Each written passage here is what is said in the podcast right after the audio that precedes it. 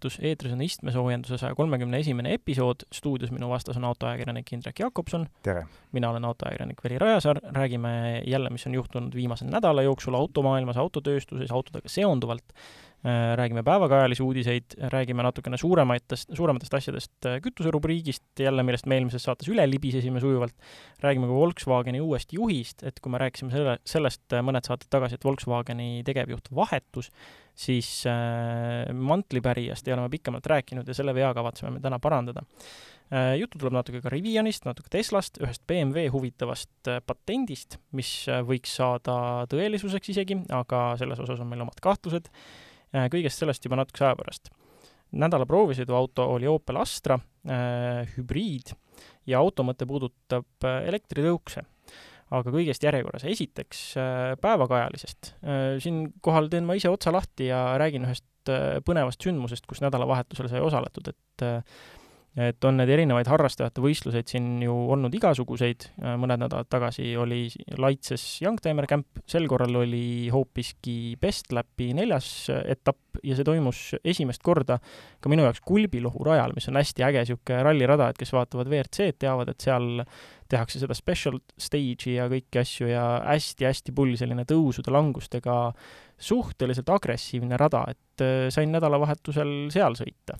kas ma saan aru, et sa alustad saadet positiivsete uudistega? no põhimõtteliselt küll, jah. Äh, kuigi see etapp oli äh, üles-alla nagu, nagu ka see rada, äh, siis noh, ütlen lihtsalt taustaks, et nädalavahetusel osales seal võistlusel umbes nelikümmend autot, neli tükki neist ehk kümme protsenti ähm, noh, need siis äh, ei pääsenud sealt tervelt, rada võttis oma osa, et see on selline päris tugeva oma sellise, päris tugeva omafinantseeringuga rada selle koha pealt, et äh, kohe juba soojendusringidel hommikul lendas seina üks äh, masin ja päeva peale veel kolm tükki. kas ma saan õigesti aru, et neli on need, kes katkestasid, aga neid, kes vahepeal pidid veidikene kõrvalist abi kasutama, neid oli veel? no oleneb, mida siin kõrvaliseks abiks pidada, et äh, need neli tükki olid jah, kes said tõsisemalt äh, pihta, kuigi nad sõitsid lõpuni, mõned neist ikkagi. ja, või siis olid oma tulemused juba kirja saanud, aga minul näiteks juhtus ka see asi, et kui ma hooaja alguses võtsin need väga-väga head tänavarehvid, mis on väga pehme põhimõtteliselt sliki seguga, mis kuluvad hästi kiiresti, aga on ka kohe valmis ja kohe soojad ja kohe nii-öelda kohe aja ründamiseks valmiduses, kui peale minna, minna juba rajale, et ei vaja soojendusringigi. Et siis mul juhtus säärane lugu, et need tagumised rehvid ikkagi lõppesid mul soojendusringidel otsa, et protektor hakkas pealt irduma, alguses ühelt poolt, siis ma tegin oma esimese sõidu kolmest ära aja peale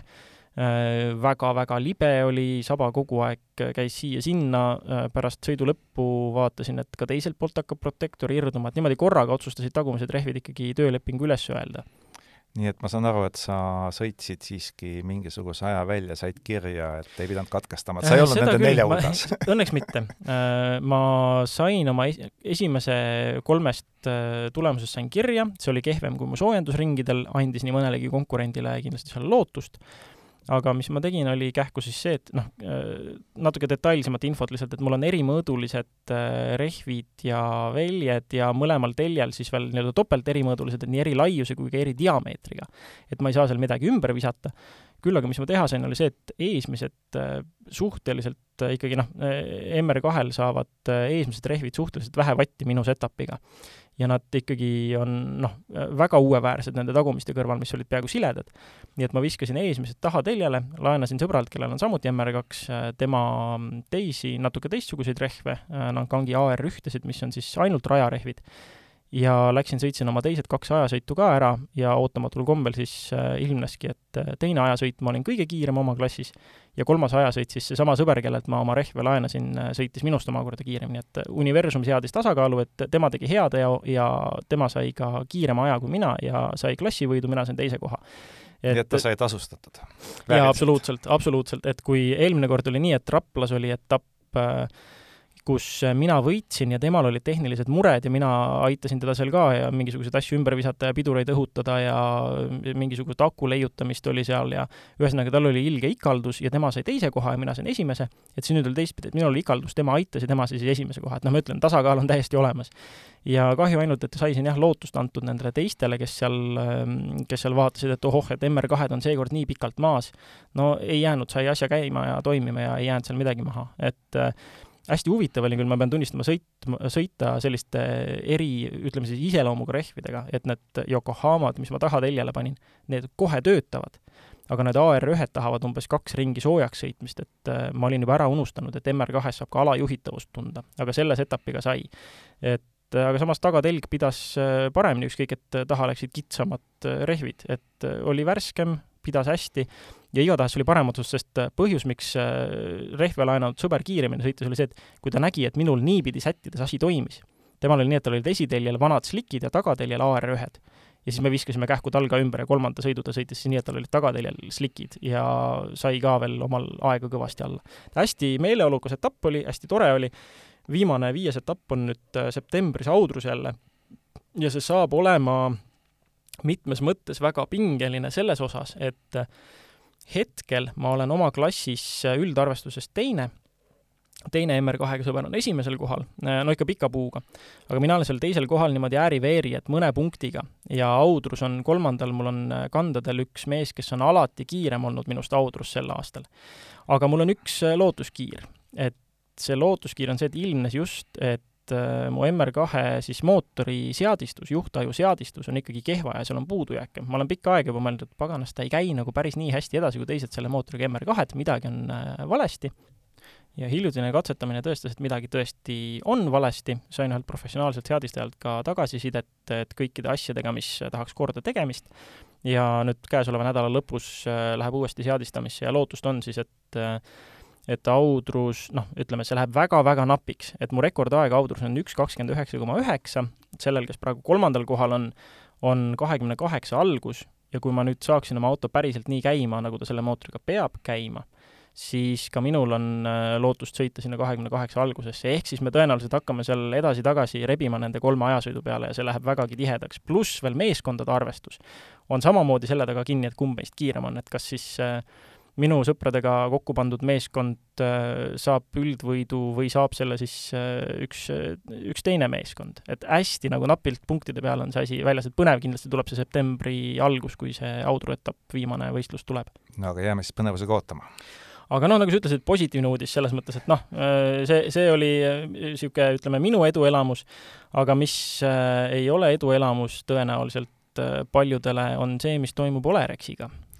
et Olerexiga toimub see, mida eest me oleme juba kaks saadet rääkinud ja halb on see, et äh, loomulikult pole nad võtnud nõuks äh, klientide ees vabandada selle jama eest, mis nad on kokku keeranud.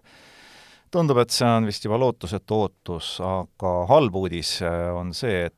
kuigi Olerex korjas tarbijakaitse tungival ähvardusel, tungival ähvardusel, ütleme otse, eksitavad plakatid maha, siis sama sisuga raadioreklaami on nad mänginud edasi ja see on juba eriline nahaalsus no ühesõnaga, kiirelt taustaks siis jutt käib sellest äh, kliendikaardiga miinus kaheksa koma kuus senti liitrilt kampaaniast, mis tuli välja, et tegelikult ei ole kuidagiviisi miinus kaheksa koma kuus senti, vähemasti mitte ausalt. et need äh, posterid jah, on nüüd maha läinud, et kui veel eelmine nädal nad olid üleval, siis, äh, siis nüüd on, nüüd on kästud maha tõmmata, aga jah, see, see raadioreklaam, no tõesti, see on, see on ikka no selline mm, konkreetne noh, jah, okei okay,, raadioreklaamid tõesti, nad on ju pikalt eetriaega ette ostetud, on ju, aga pange siis midagi muud sinna käima. mängige muusikat, kui teil ei ole midagi muud öelda. see ei ole nagu telereklaam, mida, mille ümbertegemine või tegemine üleüldse on kümnete tuhandete eurone ettevõtmine, kus äh, kümned ja kümned inimesed peavad tööd tegema, vaeva nägema see on raadioreklaam. ma olen olnud protsesside juures, kuidas raadioreklaame ja tekste sisse loetakse see ei ole väga keerukas neid ümber teha, et see näitab lihtsalt täielikku tahtmise puudumist. et Olerex siiamaani paistab olevat äh, seisus, kus noh, nad, nad ei saa aru ega ei anna endale aru, et nad oleks midagi tegelikult valesti teinud. ja isegi kui nad sellest aru saavad, siis neil on ilmselt seisukoht, et tegime, aga ei tunnista nüüd aga räägime, eelmises saates me saate lõpupoole rääkisime paarist BMW, Toyota, ütleme nii-öelda koostöömootorist, et äh, mina mainisin seal B viitekümmet kahte, mida ma kiitsin, nagu ma olen ka seda varasemalt teinud, ja sina rääkisid ühest õnnetust mootorist, sul oli, jäid vist sotid natukene selgeks tegemata selle osaga? jah, et äh, kuulajate ees vabandame, kellel see tundmatuks jäi. tegemist siis sellise mootoriga BMW välja töötatud ja mudelikoodiga N nelikümmend seitse Toyota poolt võeti see praktiliselt muutusteta üle, tegu on siis ühisanumbritsega diisliga, neljasilindriline, tehti seda kahes töömahus, nii üks koma kuus kui kaheliitrine ja üks on õnnetum kui teine. peamised probleemid ketiajamiga ja pealekauba on see mootor nii rumalasti tehtud, et see ketiajami pool on pandud salongi poole, et selleks, et seda õnnetut osa vahetada, parandada, tuleb hirmus palju tööd ja vaeva näha ühesõnaga, guugeldage N nelikümmend seitse ja pärast seda te ilmselt ei soovi kunagi enam sellest mootorist midagi kuulda. ühesõnaga, see oli siis äh, N nelikümmend seitse kõnealune mm, kehv BMW ja Toyota koostöömootor, millest me eelmise saate lõpupoole rääkisime ja mis võis selgusetuks jääda. aga võtame nüüd ette pikalt nii-öelda võlgu jäänud teema ja see on äh, Herbert Diess versus äh, Oliver Bloom, et siis Volkswageni grupi tegevjuhtimine Diis ju teadagi ähm, läks äh,, läks Volkswagenist lahku, vähemasti tegevjuhi mõttes, ja asemele tuli Porschest Oliver Bloom äh,. sellest, äh, millega Diis, Diis tegeles ja mis tema puudujäägid olid, rääkisime mõned saated tagasi. küll aga Oliver Bloomist ja tema eelseisvatest väljakutsetest me ei ole eriti spetsiifiliselt rääkinud aga enne, kui me Blumi juurde jõuame, siis äh, kaks spekulatsiooni ka, et mis Diisist edasi saab äh, ametlik seisukoht on see loomulikult, et ta jääb Volkswageni palgale, jääb nõunikuks ja hakkab hästi palju raha saama hästi vähese töö eest. no äh, ütleme nii, et lisaks sellele ametlikule seisukohale on olemas ka mõningaid spekulatsioone. esimene nendest, tõsi küll, suhteliselt vähene, on see, et Diis läheb hoopis Tesla palgale ja mis räägib selle poolt, on see, et Teslas ei ole ametiühinguid, need, mis said talle lõppude lõpuks saatuslikuks. Tesla keskendub efektiivsusele ja Teslal ei ole kunagi küsimust, et kas elektriautod või mitte, sest seal on ainult särtsukad. no pluss on ju Tesla ka kiitnud DC juhtimisstrateegiat ja omadusi, on ju. just, pluss äh, arvestades Tesla konkurentsi Volkswageniga ja DC suurt solvumust Pirchi perekonna peale, siis see on niisugune hea in your face, on ju. et vaadake, mis, mida me nüüd teie pärast tegema pidin, ma pidin konkurendi juurde minema ja teile ja. pähe tegema. mingisugused põssad, jah aga mis muidugi võib selle kahjuks rääkida, on see, et äh, Eloni alluvuses töötada teatavasti ei ole lihtne kellelgi, ei tippjuhil, ei lihttöölisel, ja noh, olla teine või kolmas mees firmas, mille juht on selline suhteliselt egotsentriline, ei ole DC-suguse sirge seljaga venna jaoks kerge, nii et see räägib selle vastu. Ja noh, raha, noh, raha on tal niigi piisavalt, et tal ei ole ilmselt Eloni poolt makstavat palka vaja, ükspuha kui suur see poleks no aga teine spekulatsioon, see võiks olla, noh, kui, kui mina oleksin DC rollis, ütleme siis mul oleks küll väga selge, mida teha, mul on pikk leping Volkswageniga, nad maksavad mulle miljoneid, kui nad keelduvad seda tege-, tegemast, siis ei ole väga keeruline just olemasoleva lepingu põhjal võtta mõnda või kümmet advokaati palgale ja Volkswageni Äh, vedada läbi kõigi astmete ja veel mõned miljonid saada. et mina võtaks asja väga rahulikult, jalad seinale, äh, ostaks väikse maja suure garaažiga ja tegeleks oma autodega, ma, ma ei tea, kas Diis äh, noh, tõenäoliselt ta võtaks midagi analoogset ette. ma ei tea, kui paljud meie kuulajad on vaadanud äh, filmi Seks ja linn, mitte seriaali, vaid seda filmikest, mis võttis siis need esimesed seeriad kokku äh, ja seal peakangelane, meessoost peakangelane otsustas hakata mõisnikuks, ostis endale Viinamarja mõisa ja kesk nii-öelda kaugenes ühiskondlikust elust. ja tugev spekulatsioon on selle poolt, et Diis järgib täpselt sama skeemi, hakkab mõisnikuks, noh, mitte ainult veini valmistama, vaid ka hotelli pidama, mis räägib selle kasuks, on see, et mõis on juba ostetud Hispaanias ja hotell peaks avatama sügisel, nii et et pole võimatu, et is läheb samamoodi selliseks noh, mis sa selle autode ja õliga ikka tegeled, et tegele millegi intelligentsega, jalutad mööda viinamarjaväljasid ja tervitad külalisi, kui nad tulevad. kui mõelda, mis selle vastu võib rääkida, siis ega seal eriti vastuargumente ei olegi, et võib-olla ainult see, et ega Volkswagen päris ilmaasjata talle ka seda hirmus kõrget palka ei maksa ilusate silmade eest, võib-olla tahab ikka töötunde saada rohkem kui allkirja jagu, nii et äh,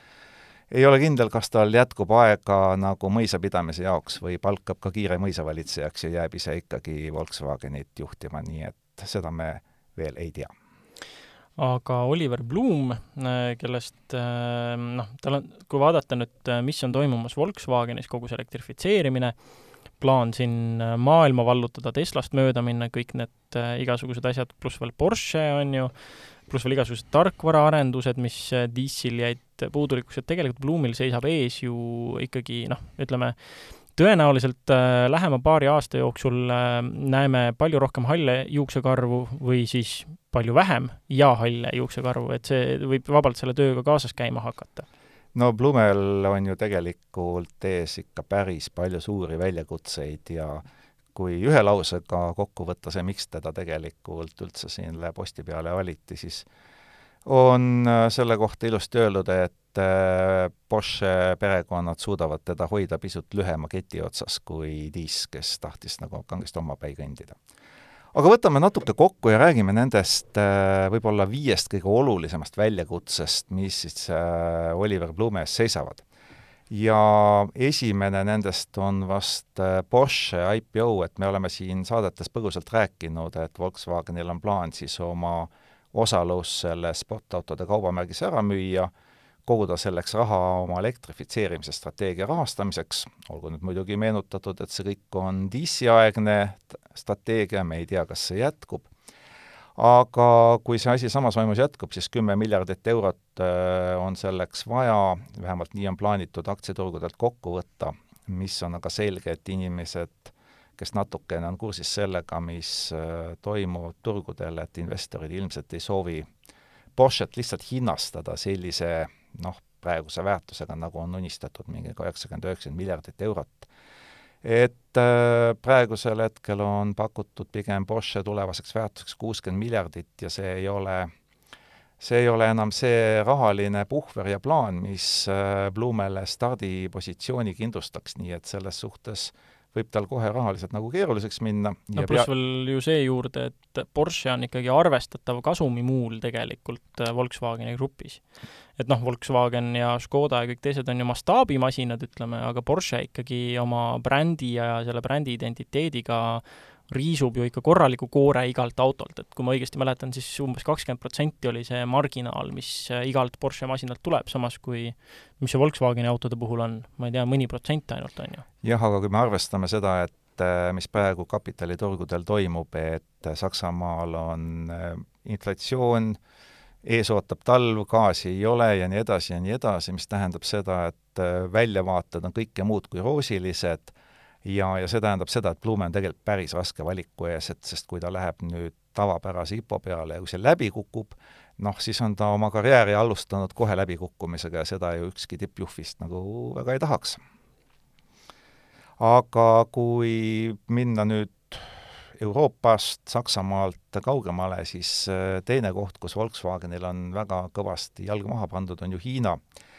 sest Hiina on Volkswageni jaoks kasumi ja kasvu nurgakivi ja praegusel hetkel on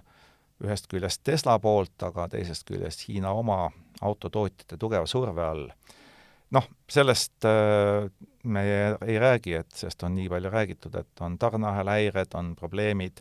aga kuna eesmärgiks on seatud seda elektriautode müüki kahekordistada, Volkswageni omi, siis äh, noh, jällegi pärast DC lahkumist, eriti kui prioriteedid on mujale seatud, tundub, et Blumel on seda päris raske teha. noh, Hiinas ei taha Volkswageni elektrikad ju peale minna nii väga, sest et noh, me oleme ka varasemalt saates maininud, et äh, Hiina lähenemine mm, autodele ja see, mida nad autodelt ja elektriautodelt ootavad, on täiesti erinev sellest, mida tahavad eurooplased et ongi Euroopas tahetakse, et elektriauto oleks noh, võimalikult sarnane olemasolevale äh,, a la siin Škoda Enyaq näiteks, mida on hästi palju kiidetud ja ostetakse mühinal. samas kui Hiinas lähevad igasugused ufod äh, väga kaubaks ja noh, Hiina turu pärast on ju BMW oma suurte neeruvõredega ja disain läheb üha nagu imelikumaks. et seal on täiesti teised soovid ja nendele soovidele vastu tulla on tõenäoliselt keeruline, kui sa teed sellist äh, masstoodangut nagu Volkswagen ikkagi, et Teslad lähevad Hiinas palju rohkem peale, sest neil on mingi oma kiiks, neil on oma erilisem välimus, nad on futuristlikumad, äh, ekraane rohkem, no kogu see hele, noh, ühesõnaga, hiinlastele lihtsalt istub Tesla rohkem ja huvitav, mida siis Blume saab ette võtta selleks, et seda muuta kui DC puhul oleks võib-olla veel olnud see šanss, et et äh, nad lähevad välja lihtsalt massiga ja nad parandavad oma kvaliteeti nii palju, siis Blume puhul me ei oska tõesti midagi muud arvata, kui et ootame-vaatame, Hiina turg on maailma suurim autoturg ja suurima potentsiaaliga turg, nii et äh, kerge ei saa Blumel igal juhul olema sealseid väljakutseid täita. aga kui minna nüüd nagu sisulise poole peale, kus äh, tegelikult nüüd DIS mitte ainult ei seadnud väljakutseid, vaid ka hävis, on ju tarkvara, ja see oli ju see üks oluline põhjus, miks nõukogu, noh, ennekõike Porsche tiib muidugi ei olnud DIS-iga rahul, sest äh, Saksamaal äh, oli ju Volkswagenil teatavasti eraldi tarkvara äriüksus, Cariad selle nimi, ja see kuidagi ei toimetanud ja Blumel on nüüd väga tõsised otsustuskohad, et mis ta teeb, et kas ta nüüd investeerib sinna rohkem oma tarkvaradivisjoni või hakkab ta hoopis minema allhanke teed suurtelt tarkvarafirmadelt, pöördub ta siis Google'i või Apple'i või hoopis mõne kolmanda sellise big tech'i poole. noh, kui neid näiteid äh, vaadata, on ju siitsamast võtta, et Volvo, Renault on pöördunud äh, Google'i poole, kasutavad nende tarkvara juba täiesti oma autodes operatsioonisüsteemina ja nende autodega sõitnuna ütlen, et täiesti okei okay,, miks mitte, miks peab tegelema autotootja ise oma köögis tarkvaraarendusega, kui on firmad, kelle professionaalsus on igal juhul kõrgem. No ja üks suur väljakutse on muidugi ju ka see, et äh, mida ma natuke juba mainisin, et äh, kui Porsche peaks lahku löödama, Porsche, kelle kasumimarginaal auto kohta on peaaegu kakskümmend protsenti, et siis äh, on Volkswagenil nagu ütleme, veidi keeruline situatsioon selles osas sees, et neid brände on nii palju, mitmed on massibrändid, aga mitmed on ka luksusbrändid, kellel on suurem kasumimarginaal et siin on umbes sama efekt nagu see, et kui sul on kaupluste kett, kus on mingisugune kahjumlik pood kusagil kaugkolgatas, siis noh, viiskümmend Tallinna poodi ikka katavad selle ja kõik saab ilusti edasi funktsioneerida. aga kui me nüüd selle Porsche sealt Volkswageni suure vihmavarju alt nagu välja võtame ja ta ei tooda enam sinna seda nii-öelda sooja, et kõik asi toimiks, et siis äh, läheb ju jällegi keeruliseks. see on mitme otsaga, aga igal juhul hapu tulemus, sellepärast et ühest küljest kukub suur osa kasumit ära, sest noh, need mahumargid, mida on ju teatavasti Volkswagenil kolm tükki, Volkswagen ise, Seat ja Škoda, nende kasumimarginaal on ju seal kolme-nelja protsendi vahel, olenevalt aastast ja kvartalist aga kui maht hakkab ära kukkuma, siis saavad pihta ju kõik marginaalid ja ettevõtte kasum tervikuna. Ja no ega DIS ei vahetatud ju Blume vastu selleks välja, et kasum väheneks, ikka sellepärast, et kasum suureneks, nii et kuidas äh, seda kasumlikkust säilitada ja kas äh, jätkata sama suure hulga brändidega, mõni bränd hoopis kokku panna või ära müüa noh, sellest ei ole avalikult räägitud, räägitud on ainult sellest, et probleem ju iseenesest eksisteerib, aga lahendust ei ole keegi välja pakkunud. ja noh, siin on juba eh, aastaid olnud juttu sellest, et Volkswagen harvendab oma brändide rida, on ju, on juttu olnud sellest, et küll on juttu olnud Ducatist, küll on juttu olnud Bugatist, et et äh, hakatakse ridu harvem, noh, ongi nüüd Bugatti on, jah, jah. näiteks no, läbi käinud. Bugatti on ju, on meil nüüd äh, Rimac äh,, Rimac omakorda on Porsche, no seal on jälle sellised keerulised läbipõimumised, aga noh, siin järgmine äh, bränd, millele otsa vaadata, mis tundub jah, selline ütleme, veidi nagu must lammas, ongi Ducati, et mis nagu nendega samas marg-, kasumimarginaali neil nagu on, on ju, aga väga tõenäoline jah, et mingisugused brändid siin selle Porsche eraldumisega ikkagi ära tapetakse ja sinna ei ole midagi teha. jah, aga mida enam seal ära tapetakse, seda väiksemaks kukub ka Volkswageni roll ja šansid saada maailma suurimaks autotootjaks, nii et äh, igal asjal on kaks otsa, aga mõlemad on probleemsed. just aga viimaseks äh, väljakutseks on Blumele äh, Hiina turu kõrval ka USA turg, sellepärast et äh, DC aegadel ja isegi enne seda on Volkswageni tegevjuhid lubanud USA turule tagasi tulla, sisuliselt tagasi tulla, vormiliselt on nad seal ju kogu aeg olemas, aga tegelikult on nad noh, ikkagi statisti rollis. Toyotaga võrreldes peaaegu suurusjärk kehvema esindatusega ja noh, seda lubadust on jagatud kolm aastakümmet, Diis ei olnud teistsugune, ta isegi käivitas suure strateegia, noh, ja selle, ühe selle strateegia osana oli ju ka, meenutame, see uus Scout, elektriline lennustiili pickup, millega siis taheti kahe tuhande kolmekümnendaks aastaks saada Ameerika turul kümme protsenti osalust ja see oli heaks kiidetud Volkswageni juhatuses ja kõik, aga see on pikk protsess ja kui arvestada seda, et kogu Volkswageni turuosa oli tänavu esimesel poolaastal alla nelja protsendi, siis noh, saada juba Honda või Hyundai tasemele on nagu väljakutse, mis ilmselt ei ole jõukohane ja Toyotast me ei räägigi. No ühesõnaga selge on see, et Blumel saavad ees olema suured väljakutsed, mis on ka ootuspärane nii suurt autokontserni juhtides, et minu pakkumine on, et äh, tõesti jah, umbes, umbes kolme aasta pärast äh, on äh, juuksed veel hallimad ja pea veel kiilam, kui see on seda praegu ja, ja märgatavalt. jah, et äh, Diss äh, suutis küll läbi kukkuda nii suhetes kui tarkvaraarenduses, aga tal oli laev vee peal ja kurss oli õige, noh, tõsi, meri oli tormine ja karisid palju. Kas Blume suudab tema vigu mitte teha ja samal ajal kasumit teenida, no see ei ole lihtne, aga me soovime talle edu vähemalt. just, siin saab keeruline olema laveerida ju ka Pichi ja Porsche perekondadega, sest et äh, mis Diesel harjapunaseks ajas oligi kõik noh, kogu see keskastme juhtimine, pluss siis veel see perekondade ja igaste ametiühingutega laveerimine, et ähm, näis siis, kellel selles mõttes lõpuks õigus on, kas Diesel, kes tahtis seda kõike mm, ümber struktureerida ja see sai talle saatuslikuks. või, äh, või saab edu saatma Blumet, kes on siis ikkagi Pichi ja Porsche käepikendus ja teeb seda, mida talle öeldakse põhimõtteliselt. selles mõttes huvitavad ajad aga nüüd saame rääkida ka juulikuu inflatsiooninumbritest ja, ja noh, jällegi ei ole vist suur üllatus, et Eesti on äh, jälle kord Euroopa esimene. see ei ole enam uudis, eks ole. järgmine uudis tuleb ilmselt see, kui Eesti ei ole kõige suurema inflatsiooniga maa aga noh, kuna meil on autosaade, siis me muid kaupu ja teenuseid ei puuduta, räägime ainult äh, bensiinist ja diislist, mis siis olid vastavalt äh, eelmise aastaga kolmkümmend üheksa protsenti ja diiselkütus lausa kuuskümmend protsenti kallim.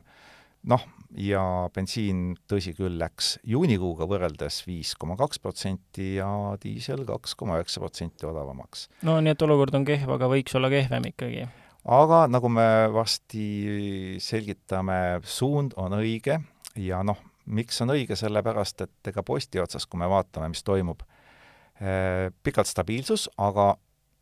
nüüd jälle pisut madalamal tasemel, üheksakümmend viis on siis meil eh, viis senti odavamaks läinud,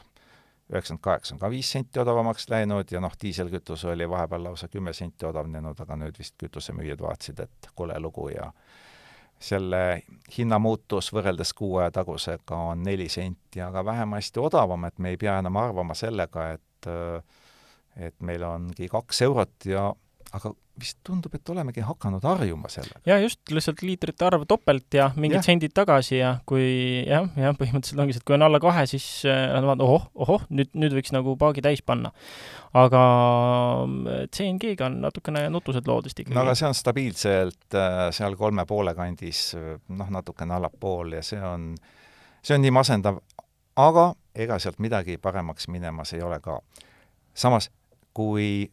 kellelgi äh, ei lähe hästi, siis kellelgi ju ikkagi peab hästi minema. ja no kellel läheb hästi, loomulikult läheb hästi suurtel kütusefirmadel. jah, siin seda stabiilset äh, tulpade tõusu oma ekraanil vaadates võiks kohe mõelda, et peaks nagu tegevusvaldkonda vahetama. no kui arvestada seda, et äh, suured tegijad, no ma mõtlen ExxonMobil, Chevron, Shell, British Petroleum, Total, kõik on äh, oma kasumit eelmise aastaga võrreldes noh, kes kahe, kes kolme, kes peaaegu neljakordistanud, siis äh, tundub, et äh, ei ole kõrged kütusehinnad sugugi mitte kõigile väga halb, et mõned oskavad sellest nagu päris hästi teenida. aga kui rääkida muidugi kõige-kõigemast firmast, no sellest, mis onu Elonile närvidele käib, sest seal, see firma on suurem kui Tesla ja selle firma omanikud on noh, tõsi küll, mitte ükshaaval võetuna, aga siiski väga-väga rikkad. no Saudi Aramco ja selle eelmise kvartali ehk siis kahekümne teise aasta teise kvartali kasum oli nelikümmend kaheksa miljardit äh, dollarit, mis on siis täpselt üks Twitter. ja see on ainult kasum, mitte käive ega turukapitalisatsioon jah, ja samas me oleme rääkinud, et Eestis on siin kütuse tarbimine kahanenud ja inimesed on tarbimisharjumusi muutnud ja mõtlevad rohkem ja kaalutlevad, aga ütleme, need tulemused siin ei räägi nagu üldse sellest. no tegelikult äh, räägivad, ei räägi, oleneb, mis perioodi me vaatame, et kui me võtame juulikuu, siis tõesti kütusemüük langes juulis nii, nagu ta on seda langenud mais ja on langenud juunis äh, ja noh, peaaegu kümme protsenti, et bensiini tarvitati siis üheksa koma kuus ja noh, seda võib lugeda teatavaks stabiliseerumiseks. no sedavõrd ikkagi probleemi stabiliseerumiseks, et õliühing tegi lausa pressiteate selle kohta ja nemad räägivad, et suurem probleem on hoopis diiselkütuse tarbimine, et juulis seitse koma seitse müügimahud vähenenud ja nemad ütlevad, et majanduse võtmesektorites on probleem ja väidavad ka seda, et äh, maksud hakkavad sõitma Lätti, kuigi viimaste nädalate hinnainfo näitab, et tegelikult äh, lõunanaabritel on küll see hinnaeelis, aga see on ainult viis senti. noh, selle peale nüüd äh, veel suured maksud Lätti sõitma ei hakka. mida me selle õliühingu kommentaariks ütleme nende statement'i kohta? me oleme nõus, mootoribensiini hinna langus pidurdas müügimahtude langust, aga eratarbija jah, on hinnatundlikum, hinnatundlikkus tähendab seda, et tangib vähem kui mullu, pigem varub küttepuid talveks, kui sõidab ringi ja kogub talveks suviseid emotsioone, nii et jaa, välja arvatud mõned lollakad, kes lähevad, sõidavad nädalavahetusel äh, mitusada kilomeetrit kulbilohku ja siis äh, pärast mitusada kilomeetrit sealt tagasi lihtsalt selleks, et mingisugune plastikkarikas või koju tuua või üldsegi tühjade kätega koju tulla, et õnneks äh, paistab, et selliseid lolle otsus, lollide otsuste tegijaid on ikkagi vähe. no ärme kiirusta ajast ette, sellepärast et äh, kui me vaatame augusti esimese poole müüginumbreid ja millal seal kulbilõhus käidi, augustis, augusti esimese poole müüginumbreid, äh, bensiinimüük kasvas üks koma kaheksakümmend viis protsenti ja diislil lausa kolmkümmend kahe, kolm koma kaheksa. kasvas, mitte ei kahanenud. et äh, hinnalangus muidugi leevendas olukorda, kas jaanipäeva paiku oli siis meil tegu ehmatusega, kindlasti oli, kas me oleme uute hindadega harjunud, ei tea, või on tegu ajutise anomaaliaga, no septembris paistab, aga mulle ikkagi tundub, et ilmselt inimesed on lihtsalt sellest esimesest ehmatusest üle saanud, nad on hakanud leppima sellega, et bensiin maksabki kaks eurot liiter ja kui see on üks koma üheksa, see on ju kümme senti puhast võitu, selle peale tangime ja sõidame. ja noh, ja samas õliühinguga tuleb nõus olla ka selle koha pealt, et see diiselkütuse müügimahu langus, noh, see, see ilmselgelt äh, räägib ka ikkagi sellest, et majandustegevus on ka noh, on nagu ta on, on ju. no kui meil on üle kahekümne protsendi inflatsioon, siis äh, on selge, et selle majanduse kohal mustad pilved kogunevad, et siin me oleme õliühinguga tõesti nõus, aga seda, et maksud Lätti hakkavad sõitma, seda me jätkuvalt ei arva ja samamoodi äh, augusti kütusemüük näitab, et ei ole vaja alati hakata kohe kütuseaktsiisidega mängima, et ilmselt inimesed kohanevad palju kiiremini, kui valitsus seda teha suudaks no okei okay,, ühesõnaga üks seaduspära on see, et inimesed harjuvad, šokist on üle saadud, paistab, aga kas midagi, mingeid teisi seaduspärasid hakkab veel silma? no kui vaadata seda, mida Brenti naftabarrel on teinud ja vaadata seda, mida maagaasi hind, Hollandi TTF, mis on siis suurim indeks, on teinud, siis äh, väga huvitav korrelatsioon, mis ei tohiks küll kuidagi olla põhjuslik või siis on, me ei tea seda, et äh, juuni esimesest poolest saadik on ju tegelikult nafta, toornafta hind kogu aeg alla läinud. natukene üles, rohkem alla, natukene üles, rohkem alla. nina on väga selgelt allapoole. ja täpselt risti vastupidi on käitunud äh, maagaasi hind. et millal need kõverad ükskord ristuvad ja mida see tähendab, seda me ei oska praegusel hetkel ennustada. noh, selge on see, et ega see nafta hind ei kuku meil siin äh, viiekümne või kümne dollari kanti, aga selge on ka see, et äh, me ei näe ühtegi põhjust hetkel, miks see trend, trend peaks pöörduma Venemaa keerab gaasi kinni üha rohkem ja rohkem, gaasi hind tõuseb, nafta hind selle võrra langeb nii et äh, kui me soovitasime päris mitu saadet tagasi, et ärge kiirustage tankimisega, tankige nii palju kui vaja, ei ole mõtet äh, ette kiirustada, siis tegelikult me oleme nüüd natuke pehmendamas oma soovitust, aga kindlasti mitte ei kutsu kõiki tormama kuhugi tanklasse kähku paake täis võtma, et katastroof tuleb, äh, vähemasti esialgu maailma naftahinnad seda küll ei näita aga keda tõenäoliselt maailma naftahinnad väga ei huvita, on Riviani kliendid ja tulevased kliendid, aga Rivianil õnnestus äh, võtta ja nad välja vihastada ikkagi kuidagi. no eelmises saates rääkisime, et Rivianil äh, läheb natukene kehvasti finantsilises mõttes, et analüütikute ootusi ta pettis ja kavatseb teises poolaastas veel rohkem kahjumit teenida, siis justkui nende probleemide lahendamisest veel ei piisanud, et Rivian lõi nüüd endale uue probleemi ja see võib mitte niivõrd mõjutada majandustulemusi, aga väga kõvasti mainet mis nad tegid? Rivian tühistas oma R1D, mis on siis tema elektriline pikap ehk kastikas, ja R1S, mis on siis tema suuremat sorti linnamaastur, nende odavamad versioonid ehk algtaseme versioonid. ja seda versiooni nimetati siis Explore Package, noh, nimi ei ole tähtsust.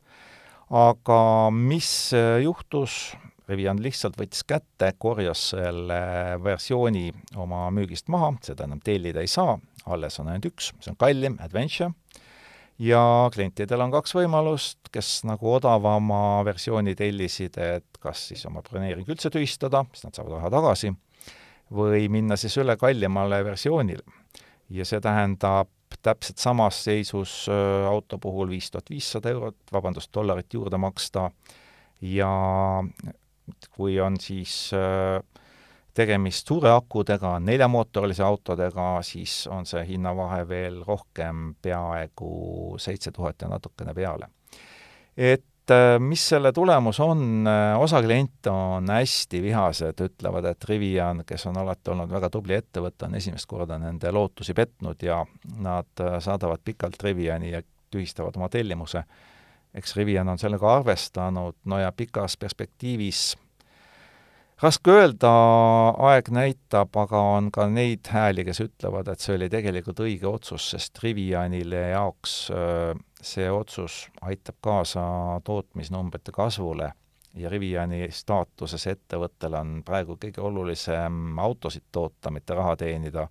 raha on neil eelmise aasta sügisest küll ja küll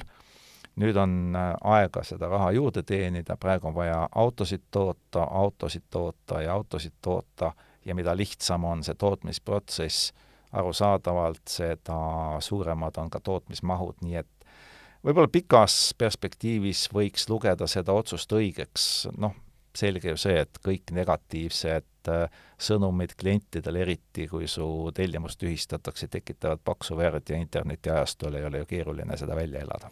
noh, aga siin lohutuseks võib alati nendele, kes ütlevad, et esimene suur pettumine Rivianis, parafraseerida klassikuid ehk äh, Homer J. Simpsonit ja öelda, et esimene suurim pettumus siiamaani. jätkame aga Ford Broncoga, et kui eelmises saates sai hõisatud, et äh, et ta tuleb ja ta tuleb ka Eestisse siis äh, Ford Bronco omanikele ja tellijatele on äh, olnud nüüd väike üllatus. jah, et äh, kuidagi tuleb ju kompenseerida seda, et autos ei tule ja võtab aega ja kiibipuudus ja tarneahel ja nii, nagu need asjad ikka käivad ja siis Ford mõtles välja, et kliente tuleb hoida ja kuidas sa kliendi rahulolu tõstad, ikka teed talle väikse kingituse. et noh, see on Fordil tegelikult suhteliselt traditsiooniline, näiteks mullu anti neile tänukiri ja plakat, kus olid ilusad pildid Ford Broncost, siis nüüd mõtles keegi välja sellise asja, et äh, Bronco teemalised mängukaardid, mis olevat pealekauba täiesti ilmastikukindlad, et sa võid nendega minna mängida õues, vihma käes, igal pool, Ford Bronco pildid on peal, senikaua mängid kaarte ja ootad, millal sinu auto tuleb. no lohutus missugune, on ju, äh, sest Äh, alles selgus, et kahe tuhande kahekümne kolmanda aasta Ford Broncot äh, uued kliendid tellida ei saa. eelmine mudeliaasta kulub siin äh, olemasolevate tellimuste täitmiseks juba, nende, nende tellimuste täitmiseks, kes pole masinat kätte saanudki. et noh, asi venib, aga vähemasti mitte, mitte nii hullult, kui on veninud siin näiteks Tesla Cybertruck või, või, või mõned teised suured lubadused aga kui parafraseerimiseks juba läks, siis parafraseerime ka Eesti vanasõna, et pada sõimab katelt, ühed mustad mõlemad, vihje siis loomulikult enne mainitud Rivianile ja nüüd siis äh, Fordi F sada viiskümmend Lightning äh, kastikale ja selle Lightning Pro suurema akuga pikapi tellimused. Ford samamoodi lõpetas ära, uusi tellimusi vastu ei võeta, tegu oli väga populaarse versiooniga tõsi, see kehtib äh, riigiasutustele, suurtellimustele, firmadele, noh, ja eraisikud, kes soovivad siis seda suurema akuga autot üldse saada, neile antakse valida ainult kolmsada kaksteist A kood, mis tähendab ära seletatult lihtsalt palju kallimat ja luksuslikumat varustustaset, ehk et jällegi Ford tegi täpselt sama, mida Rivian, ainult et Ford naeratas ja andis oma klientidele kingituse, Rivian ei suvatsenud seda jama isegi mitte kommenteerida. Räägime järgmises aga Porschest ja täiselektrilisest Macanist, millel on, millel asuvad suured-suured lootused, et noh, Oliver Blumest ja, ja Porschest natuke juba rääkisime, aga nüüd on siis lootust, et, et hakatakse täiselektrilisi Macani kompaktmaastureid tootma sama palju kui tavalisi Macane praegu, ehk umbes kaheksakümmend tuhat aastas, loodetakse sellist kasumimuula temast? Jaa, kasumimuul on ta tegelikult juba praegu, sellepärast et Äh, Macanist rohkem müüb Porsche ainult Cayenne'i ja need müüginumbrid on tegelikult suhteliselt sarnased, et ega see Cayenne'i edu väga suur ei ole. aga kaheksakümmend tuhat aastas on äh, luksusauto kohta päris korralik müüginumber, nii et noh, küll lubatakse seda uut elektrimakaani juba järgmisel aastal, pessimistid räägivad kahekümne neljandast aastast, no tõenäoliselt on neil õigus. no sellegipoolest Porsche lootused on ilmselt õigustatud, sest äh, Macani populaarsus tänu just nimelt tema kontseptsioonile ilmselt säilib ja kuna nimi jääb ka alles, loodetavasti, siis see müük jätkub. Aga sellest äh, läheme edasi teise sportauto tootja juurde ja selleks on BMW, BMW.. kohe, kohe jah, ma, ma, mulle tundub, sa hakkasid ise ka ennast kohe täiendama ja parandama, jah. et BMW tehniliselt, kui me jätame M1 kõrvale ei ole päris puhtaid sportautosid kunagi tootnud, ta võtab ikkagi pereauto kandmiku ja siis paneb sinna suurema mootori ja noh, ta teeb seda, mida sakslased teevad. kas Porsche on äh, sportauto tootja? jaa, loomulikult. võtame need Porsche müüginumbrid ja vaatame, kui palju nendest äh, autodest on pereautod, noh, poes ja, käimise ja, autod ja siis äh, jaa, no see on, see on teine aspekt, aga ei, sportautosid on vähemasti Porsche ikkagi tootnud, et äh, BMW on aga, ka tootnud aga, aga BMW-l, kui sa võtad kõik mingid M-masinad, siis tegelikult need ei ole sportautod, sest et nad on ikkagi ehitatud äh, platvorm, no ütleme, see on semantika, aga see on jälle selline asi, mida mida noh, mõni BMW fänn kuuleb ja mõtleb, mida ju, mis jura sa ajad ja samas insenerid kuulevad, et jaa, jah, nii on. et see, see on see, et sa, sa, see kogu see Saksa kiirete nii-öelda ütleme, kiirtoidu sportautode tegemine, Audid, Mersud, okei okay,, Mersud mitte nii väga, Audid ja BMW-d just on, kogu see ettevõtmine on see, et võetakse ikkagi pereauto, sedaani kandmik üldiselt, pannakse suur mootor, natukene ägedam vedrustus, lüüakse M-märk peale, öeldakse, et see on nüüd sportauto, see on nüüd see, mida sul vaja on. et tegelikult kui sa oled purist, siis niimoodi toodetud autod ei ole sportautod. aga jälle, siis on vaidluse koht, et mis asi on sportauto, on ju, kahekohaline kupee või noh, kõik asjad, äh, tagavedu, mis seal nagu see definitsioon on. mina olen nüüd selle juurde, et sportauto on algusest peale midagi, mis on loodud äh, eraldiseisvana teistest mudelitest. selline diskussioon mul oli näiteks kunagi GR Yarise kohta, et kas GR Yaris on sportauto see on ju tegelikult ehitatud, on ju, et justkui nagu Yaris, on ju, aga siis sa vaatad, kui palju sellest päris Yarist on ja jõuadki järeldusele, et ahah, see on algusest peale sportautoks loodud, see on eraldiseisev toode samas BMW-d, Audid võtavad, nagu ma juba ütlesin, on ju. tehniliselt võttes on sul nõus no,, nii et kui, kui sa oled purist, eks ole, ja kui sa ei ole purist, vaid sa vaatad kasuminumbrit, siis sa saad aru, et ilmselt äh, on sportautode tootmine mõistlik äh, ainult väga väheses koguses. jah, aga noh, BMW on seda teinud, et vähemasti nad on jäänud truuks äh, mingil määral käsikastile. ja nad räägivad, äh, kui veel korraks BMW-st öelda, siis BMW-st äh,, kui me räägime, ütle BMW, sul tekib ju ometi tunne sportlikkusest. sul ei teki kordagi mõtet, et hea turundustöö. jah, nad on suutnud seda nii hästi turundada, et kui sõidad BMW-ga ja sellel ei ole sportlikkuse tunnet, siis tekib tunne, et ei olegi BMW jah, jah. aga nüüd on nad välja mõelnud ühe väga ägeda asja ja milles on probleem? me ei oska sellele asjale nime anda. Eestikeelset nime. jah, jah, sest ähm, äh, ju on kõik äh, autohuvilised tuttavad ingliskeelse fraasiga money shift. Eesti keeles on see mis no. ta on, rahaülekanne rahavahetus jah ja., jah, midagi säärast. et aga ma arvan, et mina jääksin selle money shift'i juurde, nagu tihtipeale siin äh, oskuskeelega ikka, siis eesti keel paraku longab. okei okay,, ütlemegi money shift. ütleme money shift, sest et äh, kõik saavad sisuliselt aru, mis see tähendab, aga igaks juhuks, et segadust vältida. kõik kuulajad ei tea võib-olla, nii et räägime neile üle, mis asi on money shift äh, kui sa sõidad käsikastiga autos, lased peeneks, vahetad üles näiteks teiselt kolmandale, kiirendad, kiirendad, vahe, ja siis tahad kolmandalt neljandale vahetada, aga võib juhtuda mingites oludes ja ka väga osavate juhtidega seda, et mingil põhjusel ikka kuidagi läheb neljatasemel sisse teine. ja mis sul on mootor punases samal ajal, pööre? jah, jah, täpselt, et sa oled kusagil seal, seal mis iganes seitsme-kaheksa tuhande pöörde juures ja siis litaki lajatad sisse hoopis teise Äh, tulemus olenevalt mootorist, äh, ülekannetest, et mis äh, su reaal, reaalsed pöörded siis, mis sel hetkel juhtuvad, kui sa paned uuesti selle kiirema ülekande,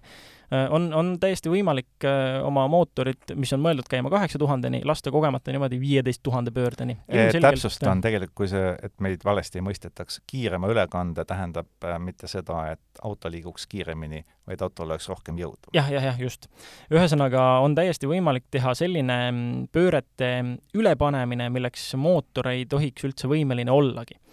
et äh, ja selle tulemuseks on tihti äh, äh,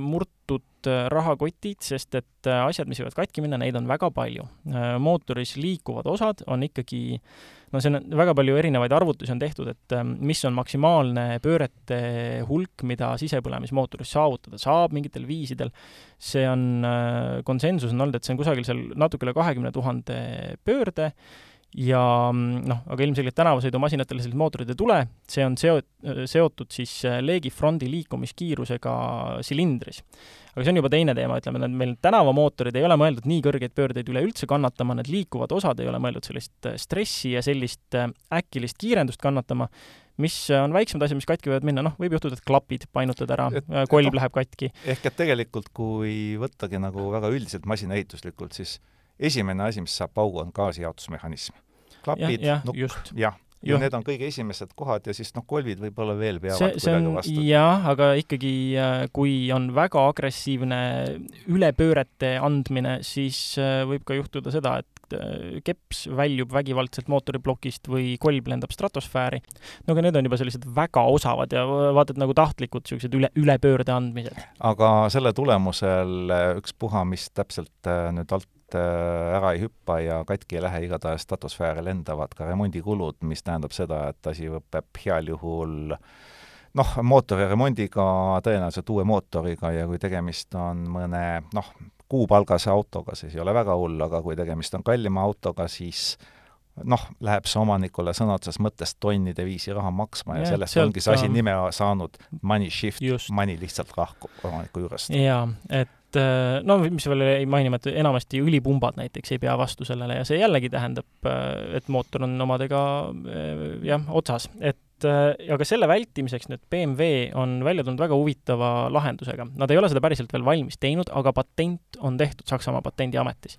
ja noh, siinkohal, et aru saada, kuidas see asi töötab, siis äh, esiteks äh, mõelge sellele, mis juhtub, noh, enamuse uuemate autodega on ikkagi nii, et äh, käsikastiga autodega, et kui sa sõidad edaspidi ja siis sõidu pealt üritad tagurpidi käiku sisse panna, siis noh, see ei ole füüsiliselt võimalik, see käigukang lihtsalt ei see ei, selles mõttes, et see, selles mõttes ei ole füüsiliselt võimalik, et äh, isegi käigukangi ei ole võimalik liigutada enam sinna asendisse, et raginat kuuldavale tuua. raginat sa võid kuuldavale tuua natuke vanemates masinates, millel ei ole seda tagurpidi käigu lukustusmehhanismi, et sa saad selle, sa saad nagu käigukangi ikkagi sinna asendisse liigutada. jah, täpselt. aga uuemate puhul sul on paigas äh, lukustusmehhanism, mis ei luba käigukangi füüsiliselt sinna liigutada ja see, see säästab siin sul käigukasti ja mootorit selles seisu, seisundis, kus sa kogemata peaksid mõtlema, et peaks rallikäigu sisse panema, ei, ei luba seda teha. aga BMW tahab seda ideed veelgi laiendada nende lukustussüsteemidega ja kohandada valmis sellise mehhanismi, mis suudaks lukustada kõiki käike, ka edaspidi käike, vastavalt vajadusele. ja seda süsteemi paaritaks ta siis äh, põhimõtteliselt äh, väntvõlli kiiruseanduri ja käigukangi asendianduriga. Ehk siis noh, see ongi kõik, mida sul tegelikult ju vaja on, kui sa loogiliselt mõtled, sa pead teadma, mis on, äh, mis on väntvõlli reaalsed pöörded ja sa pead teadma, mis käigus sul auto parasjagu on. Ja siis on ainult programmeerimise küsimus, et aru saada, millised käigud hetkepööretel on need, kuhu lülitades sa teeksid väga suure vea ja edasi selg-, sekkub juba lukustusmehhanism, mis need äh, problemaatilised käigud lihtsalt ära blokeerib, et sa füüsiliselt ei saaks ka parima tahtmise juures seda valevahetust teha ja oma mootorit granaadiks muuta mis on, kõlab väga ilusti, aga samas on see äärmiselt irooniline, sest kui me nüüd mõtleme, mis on tegelikult äh, autotööstuse olevik ja tulevik, BMW-l on ju reaalselt võttes üks, ainult üks konkreetne käsikastiga mudel, see on M2 kupee. Ja käsikasti tulevik, noh, tõenäoliselt see tulevik seisneb selles, et sureb lihtsalt välja. Ja noh,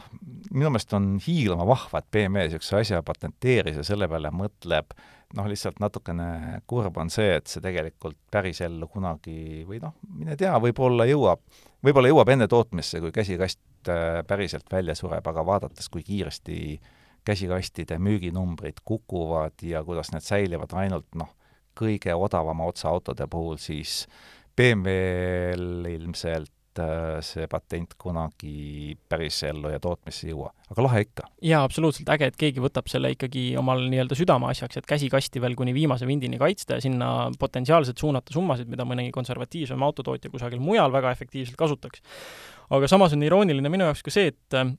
põhimõtteliselt siis äh, rahakam ostja ehk BMW klient saab siis ähm, vältida seda nii-öelda rahavahetust, mis, mis sellele nimeks andsid, ehk siis seda money shift'i ja mitte maksta summat siis mootoriparandused, ehk siis noh, põhimõtteliselt äh, rahakam klient saab äh, noh, ei pea isegi oskama käiku vahetada enam, et äh, sõita käsikastiga autoga ja kõik riskid on tema jaoks nullitud. aga meie lihtsurelikud, meie, meie ikka nutame ja maksame, kui midagi natuke valesti läheb. lihtsalt ütlen vahele, et ma olen tuvastanud, et äh, ei pea üldse olema tegu inimesega, kes ei oska käiku vahetada vaid äh, on väga kindlaid situatsioone, näiteks rajasõidus, kus erinevatel masinatel eri, äh, ilmnevad erinevad puudujäägid. näiteks jälle, kui ma oma MR2-st räägin, sellel on, on ju, mootorijuhi taga, sellel on kaablitega käiguvahetusmehhanism ja mina olen tuvastanud seda, et äh, väga siis ütleme, jõulistes oludes kõrged pöörded, rajal mingisugune tugevam kurv ja eriti hea veel, kui sul on tõusul, juhtub säärane asi, et mootori kinnituspadjad ja mootori ja käigukasti kinnituspadjad siis vajuvad täpselt nii piisavalt läbi, et kaablid natukene venivad ja see vahetus käigukangiga ei ole enam nii täpne ongi niisugune tunne, nagu käigud jookseksid eest ära. ja ongi täiesti võimalik, et sa lihtsalt, mitte et sa paned nagu vale käigu, aga sa jääd sinna pusserdama ja sa ei leia seda õiget kohta üles. mul on mitu korda juhtunud seda, et kui ma harjutan parasjagu, siis äh, juhtubki see, et pean panema kolmanda, siis ta tahab kuskile ära joosta, siis mul läheb viies, siis ma vahetan tagasi, siis ma magan pidurduspunkti maha ja teen veel spinni ka sinna otsa, et selles mõttes selliseid nagu situatsioone on paar korda ette tulnud, ma olen oma Instagramis neid videoid äh, jaganud, et äh, näe, võib ka nii juhtuda, on ju, et äh, noh, harjutajal ikka juhtub ja, ja et kui, kui selliseid asju ei juhtu, et siis noh, siis sa lihtsalt ei, ei sõida piisavalt kiiresti aga noh, imelik on ikkagi nagu tuvastada, et sellised väiksed asjad mõjutavad tegelikult väga, et sa ei, see ei pea olema see, et sa ei tea, mida sa seal käigukangiga teed. no mõtle, kui tore, et BMW on nüüd selle probleemi meie eest ära lahendanud. just, et jah, huvitav, kuidas, kuidas seda mehhanismi võiks saada küll ka oma vanematele autodele aga liigume praegu edasi nädala proovisõidu auto juurde, milleks on Opel Astra hübriid. Ja ma saan aru, et see oli nüüd siis ähm,, mis, kuidas teda eesti keeli võiks nimetada, mahehübriid ei, see on, äh, tegemist on laetava täitsa, hübriidiga. täitsa pistikhübriidiga, jah? pistikhübriid ehk laetav hübriid, nii teda eesti keeles ametlikult nimetatakse. Et äh, Opel Astra see versioon on juba natukene, nii mõnigi hea kuu Eestis liikunud ja esimesed, mis tulid, olid äh, mõistagi lihtsad äh, bensiinimootoriga versioonid. bensiinimootor äh, on Astral siis ikka seesama praeguseks hetkeks juba päris vana ühe koma kahe liitrine kolmesilindrine sada või sada kolmkümmend hobujõudu, mida me ei ole proovinud, ei taha ka proovida, sest oleme sellest piisavalt äh,, piisavalt kogenud kõigi teiste BSA kontserni autode kapoti all, ega ta midagi erilist ei ole, kui see välja arvata, et ta joob rohkem, kui lubab. ja, ja no rääkides veel BSA kontsernist, siis äh, Astra jagab äh, platvormi Peugeot kolmesaja kaheksaga, on ju, ja nüüd need mootorid, eh, Opeli puhul me oleme lihtsalt mitmete mudelite puhul kiitnud seda, et nad on nagu ütleme, universaalsõdurid, et neil on hästi palju valikut, et eh, vahepeal oli masinaid, mida sai nii bensiini, nii diisli, nii hübriidi kui elektrina. kas Astraga on sama lugu, et meil on bensiin, on ju, meil on pistikhübriid, eh, mida meil veel pakutakse? pakutakse väga suure boonusena ka diiselmootorit et seesama platvorm tõepoolest võimaldab täiselektrilist autot, hübriidautot, bensiinimootoriga autot ja ka diiselmootoriga autot, Astra puhul on need variandid kõik olemas. noh, hinnad hakkavadki pihta kahekümne kahe tuhande seitsmesajast letihinnad ja lähevad täpselt kaks korda kõrgemale, nelikümmend neli kaheksasada, et selles mõttes skaala on üsna lai, aga skaala on ka täiesti õigustatud, et noh, diisel on veel suhteliselt odav noh, kolmkümmend üks tuhat või kolmkümmend viis tuhat, oleneb varustustasemest, kõige, muide, kõige odavamaid diislit ei antagi, sellepärast et kui inimene ostab juba diiselmootoriga auto, siis tal on piisavalt raha, et osta ka veidi parem varustus. Ja diislit ongi, diiselmootoriks on seesama saja kolmekümne hobujõuline ühe koma viiene ja seda paaritatakse loomulikult ainult siis automaatkastiga. muide, tegelikult kui vaadata neid äh, valikuid, siis ainult saja kolmekümne hobujõulist või siis saja kümne hobujõulist bensiinimootorit üldse käsikastiga antaksegi, et äh, kõige kallimad on ainult automaadid. no see on trend, ega aga veoskeemid, kõik ainult esivedu, jah? ainult esivedu. selles mõttes, et siin on nagu üllatus, kuna seesama BSA hübriidsüsteem võimaldab tegelikult ju nelikvedu Just. ja kui me paar saadet tagasi rääkisime Opel Grandlandist, mille nelikvedu igati tubli on, siis äh, Astrale miskipärast hetkel seda ei pakuta. noh, mis tehniliselt ei tähenda, et see ei võiks olla võimalik äh, lähitulevikus, aga ilmselt arvatakse, et ei ole see koht ja ei ole see sihtgrupp. ja noh, täiesti mõistetavalt, sest kui vaadata nüüd, mis on Astraga toimunud, noh, Astra on mudel, mida on Opel tootnud täpselt sama kaua, kui on Eesti Vabariik iseseisev, ehk kolmkümmend üks aastat. ja kui me paneme sinna juurde kadeti ette, siis eluiga on kaheksakümmend pluss ja praegune Astra, mis on viienda põlvkonna järeltulija, loetakse lausa uueks kuuendaks põlvkonnaks, noh, mis on siiamaani Astra olnud, Astra on olnud selline, ütleme otse, hall hiireke. Ta on pidanud konkureerima selles kõige tihedamas golfklassis, sellesama golfi endaga, teda kunagi võitmata, noh, Ford, eh, varem Escort, hiljem Focus, kõik tahavad sealt oma osa, Astra on hästi müünud, aga ta ei ole kunagi olnud midagi sellist säravat, eks ole, mille peale nagu autofirma võiks olla nagu uhke. aa, kas siis nüüd on? vähemasti, mis on äh, väga äge või noh, tähendab, kelle jaoks äge, kelle jaoks mitte, aga vähemasti osade inimeste jaoks äge, tundub, et äh, mida vähem on antud äh, vabu käsi inseneridele, sest no mida sa seal ikka teed, kui sul on ette antud mootorid, sul on ette antud platvorm, sul fantaasiat ei ole võimalik rakendada, sest kõik detailid on juba ees olemas, siis seda rohkem on antud vabu käsi disaineritele. mõned asjad on läinud hästi, mõned on halvasti ja mõned on nii, nagu kuidagi hinnata. Et äh, kui rääkida, mis hästi, noh, uus Astra näeb äh, vaieldamatult hea välja. siin ei ole mitte midagi Nõus. arutada, kogu komplekt, eks ole, eest-taha, külje pealt, vaata kust nurgast tahes, ta näeb välja voolujooneline, ta näeb välja sportlik, esimest korda sellise auto kohta küllalt samas tal on selliseid retrojooni, on ju? Ja kui veel teda päris äh, kolm korda ringiratast käia ja vaadata ja silmad kinni panna ja siis veel rahulikult vaadata, siis tuleb silme ette Golf kaheksa et noh, mis siin salata, sarnasus äh, müügihitiga, noh, taotluslik kogemata vahet pole, eks ole. noh, ta on eelmise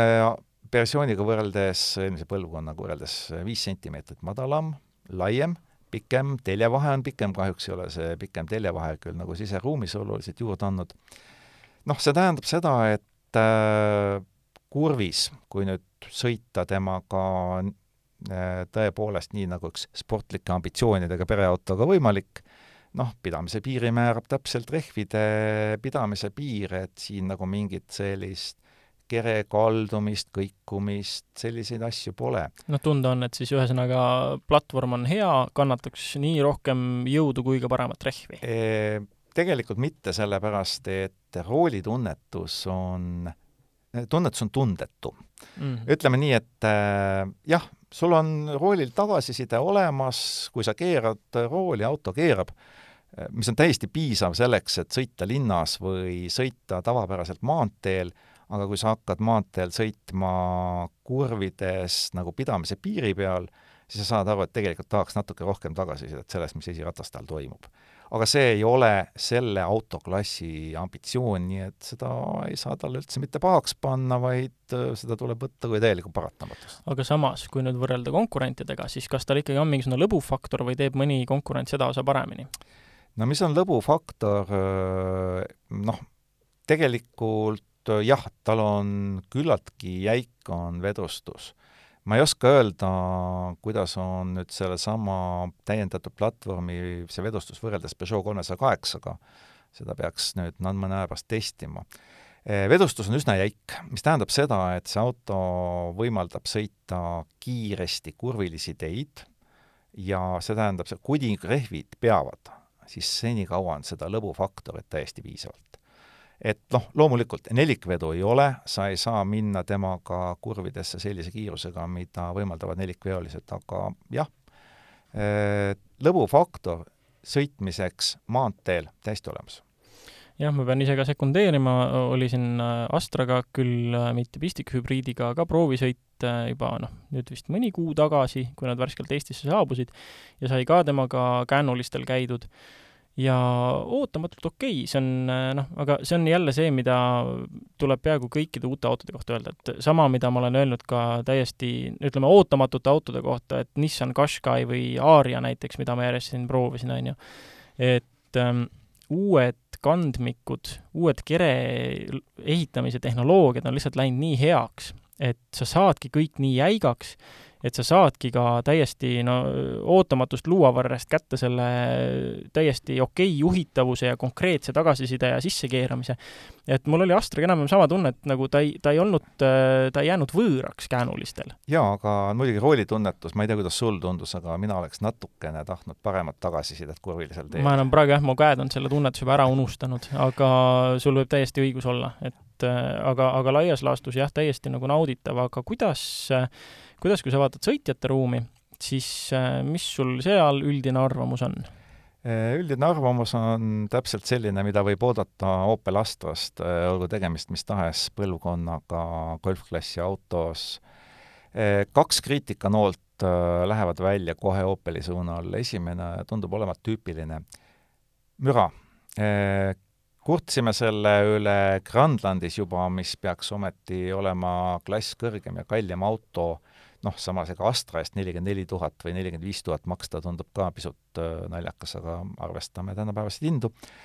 Äh, müratase võiks olla natukene madalam ja selle üks põhjus on kindlasti see, et seal on kaheksateist tollised väljed,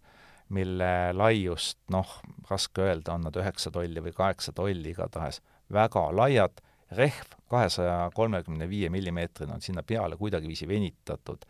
arusaadavalt need mürisevad. rehvid on iseenesest okei okay,, aga kui see rehv on natukenegi külm, siis äh, müra on autos rohkem, kui eeldaks juba sellest äh, hinnalipikust. noh, Astra ei ole luksusauto ja me saame aru, et väike rehvimüra on paratamatus, aga no natukene oleks võinud heliisolatsioonile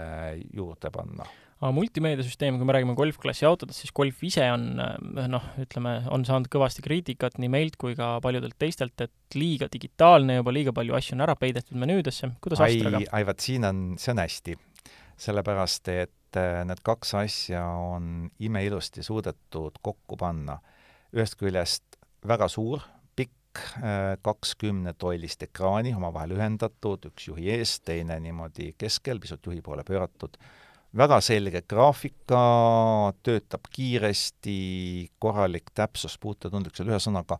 mitte mingisugust öö, probleemi ja samas kõik olulised funktsioonid on jäetud füüsiliste nuppude alla. tahad panna roolisoojendust, tahad istmesoojendust, tahad temperatuuri soojemaks, külmemaks, kõik need asjad käivad konkreetselt nuppude puhul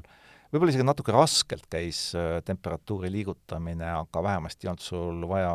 tekitada liiklusohtlikku olukorda, et ajad mingit äh, puutetundlikku liugurit äh, vasakule ja paremale, ei tea, mis see tulemus on.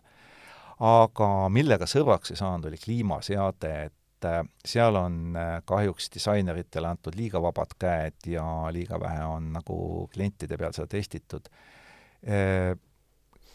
auto armatuurlaud on ju täitsa nagu kokpit, mis keerdub mõlemast suunast äh, ümber is-, eesistujate aga see tähendab seda, et sul võimalust seda õhku suunata on limiteeritud. et samal ajal, kui sa tahad saada automaatselt normaalset temperatuuri ja väljas on väga palav, siis äh, sa lepid kas kuuma auto või otse peale pahiseva külmaga ja see ei ole okei okay. et noh, päris sõbraks ma kliimase või selle kogu ventilatsiooni ja kliimaga enne ei saanudki, kui ilmad läksid jahedamaks aga kas erinevaid juhiabilisi proovisid, näiteks seda sõiduraja hoidjat, roolimisabi, sest et mulle jäi enda proovisidest meelde, ma natuke katsetasin,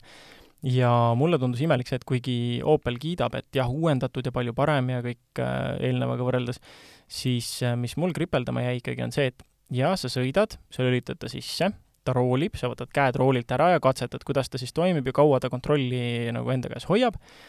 ja kuigi tal peaks ju olema, siis noh, Opeli enda inimesed olid ka natuke nagu hämmingus, et äh, äh, see hetk, kui auto otsustab, et nii, nüüd ma enam ei hoia, noh, ta enne seda ikka ta karjub pikalt, on ju, aga ta ei ütle sulle ühelgi hetkel konkreetset hoiatust, et nii, nüüd ma lõpetan. vaid ja. ta ütleb sulle, et pane käed roolile, pane käed roolile, ta korrutab seda ja siis mingi hetk lihtsalt äh, taandub nagu märkamatult, sel-, selles mõttes märkamatult, nii, nii märkamatult, kui nagu karjuv abiline saab taanduda, et ta ei ütle sulle seda, et äh, nüüd, mis iganes, viie sekundi pärast mina enam ei rooli, et sul see hetk, kus auto lõpetab, ei ole kuidagiviisi äh, niimoodi määratletud, et juht saab aru, kui asi nagu päriselt hulluks läheb. jaa, ja siin ma pean äh, väga suureks kurvastuseks sinuga sajaprotsendiliselt nõustuma, et äh, see on need olukorrad, kus arvad, et juhiabid töötavad ja hoiavad sind raja peal ja siis nad ei hoia, toimuvad täpselt nii, nagu noh, Opel teab, aga kahjuks Opel teab seda, juht ei tea. mis tähendab seda, et usaldada juhiabisid on suhteliselt äh, ohtlik. ja samas minu jaoks, minu jaoks jällegi see on, ta on selle auto puhul nagu negatiivne ja paljude kasutajate jaoks negatiivne, ja mina samas nagu, osa minust tahaks seda kahel käel selles mõttes takka kiita, et juhiabisid ei tohigi usaldada, nad peavad olema nagu täiendused, aga kunagi ei tohi nende peale tegelikult nagu lootma jääda, et pigem ongi see, et kui juhtub mingi olukord, mida juht ette ei näe, juht, kes on ideaalis sajaprotsendiliselt juhtimisega ametis, siis äh, kui äh, juhi abiline suudab sellises situatsioonis midagi ära päästa, väga super. aga kui ta tekitab juhile nagu olukorra ja sellise mm, võlts enesekindluse a la nagu Tesla autopiloot, siis see on jälle nagu kehva, et ma olen siin nagu kahel rindel jah, ma olen tegelikult sinuga nõus selles mõttes, et Opeli juhiabid äh, toimetavad nii vaikselt ja nii tasakesi kusagil sinu selja taga, et noh, tegelikult kui sa oled natuke lohakas, siis sa näed, et, et oi, ma pean ise sõitma nad ei sõida minu eest. ja see tähendab tegelikult, nad hoiavad sind enamus ajast äh, ärkvel, nad hoiavad sind roolimas ja noh, kui sa sõidad tegelikult sirget teed, siis ei ole sul ju väga neid juhiabilisi vaja, kui sa just rooli taga magama ei jää. nii et selles suhtes äh, noh, ma olen mõningate Prantsuse mudelitega olnud üsna hädas, kus nad ei lase sul sõita, sest nad kogu aeg arvavad äh, paremini teadvat, kus sa täpselt pead tee peal olema. ja muide, Golf kaheksa puhul on seesama õnnetus, et kui on selline kitsas külametsatee, kus on tõmmatud pidev joon kahte serva ja keskel puudub katkendlik joon, on selliseid ju teid küllalt äh, Inglise filmides võib ju neid näha, aga neid on ka Eestis, siis see tähendab seda, et golf arvab, et sa pead sõitma seal metsateel keset teed täpselt ja siis, kui vastu tuleb metsaveoauto, siis on teravad elamused garanteeritud. Et seda, seda ei ole ja selles suhtes on selline soft juhiabi isegi palju mõnusam. nii et mis me saame siis äh, öelda uue Opel Astra kokkuvõtteks lõpus, et äh, neile, kes ei taha liialt juhiabidele toetuda ja tahavad ise rohkem sõita, äh, neile, kes on ikkagi hinnatundlikud, neile, kes suudavad kannatada natukene sisemüra, aga üldiselt on ikkagi tegu ju väga mõistliku valikuga lõpuks. Ja siin tuleb selgelt arvestada, et äh, Opel on läinud äh, väga konkreetselt seda teed, et Astra, see on sõiduauto, Astra ei ole kindlasti mingi äh, crossover, kõrgel sõitja, kõikjal sõitja, et äh, Opel on toonud ta rõhutatult madalaks, et äh, kellele meeldib äh, linnamaasturlik kõrge istumisasend noh, selle jaoks ei ole see auto kindlasti mõeldud, nende jaoks on Mokka ja Grandland ja nädala saatel lõpetame nädala automõttega, mis puudutab elektritõukseid, et kui siin juba sain nendest äh, Opeli juhiabilistest rääkida, et noh, et äh, need võib-olla teostavad sellist natuke looduslikku valikut, et siis rääkisime mõned saated tagasi, kuidas Rootsis hakatakse elektritõuksijate osas teostama mingil määral looduslikku valikut ja pagendatakse nad kõnniteedelt tõuksidelt ähm, siis sõiduteedele. Ja nüüd on selle osas olnud natuke nagu edasiminekuid ja veidi statistikat. no edasiminekut või tagasiminekut on raske öelda, oleneb kummast seisukohast vaadata, et äh, eelmine aasta ju Stockholmis oli neid elektritõukse tänavatel lausa rekordarv kakskümmend üks tuhat. Ja siis äh, hakkas linn konkreetselt nende tõukside rentijate tegevust reguleerima, igaüks võis äh, tuhat viissada välja anda ja nüüd on neid registreeritud tõukse äh, peaaegu kaks korda vähem. aga kui me rääkisime paar saadet tagasi, et äh, nende elu läheb raskeks seetõttu, et neil hakatakse määrama kindlad parkimiskohad, siis nüüd juhtub see, et või vabandust, et enne suunatakse nad sõiduteedele, siis nüüd tahetakse neile määrata ka kindlad parkimiskohad ja seda hakkab kontrollima lausa politsei. ja noh, siis ei ole mitte ainult see, et kui meil on nii, et jätad Bolti tõuksi suvalisse kohta, siis küsib Bolti äpp sulle, et kas sa tahad maksta mulle kümme eurot ja kui sa oled nõus kümme eurot maksma, siis jäta, kus tahad, vaid äh, nüüd hakkab sekkuma juba politsei milles on probleem? Äh, tundub ju tegelikult väga mõistlik otsus, aga kui need parkimiskohti, mis on kindlaks määratud, need võtavad ruumi, need võtavad aega ja see tähendab omakorda seda, et äh, teenuse tasuvus kukub, sest ilmselt hakkab renditõukside kasutamine seeläbi vähenema, mastaabiefekt hakkab töötama rendileandja kahjuks, mis tähendab omakorda seda, et nad peavad hindu tõstma ja, ja tervikuna hakkab kogu see äri veidikene kiduma. samas, noh, läheme nüüd tagasi heade mõtete linna Tartusse, kui vaadata Tartu rattaringlust, mitte Bolti, siis seal on ju neil kõigil äh, ratastel fikseeritud parkimiskohad, kas see on ebamugavam? kindlasti, turvalisem, igatahes. nii et äh, tegelikult ei ole selles ka midagi võimatut ja, ja tegelikult ei ole ju äh,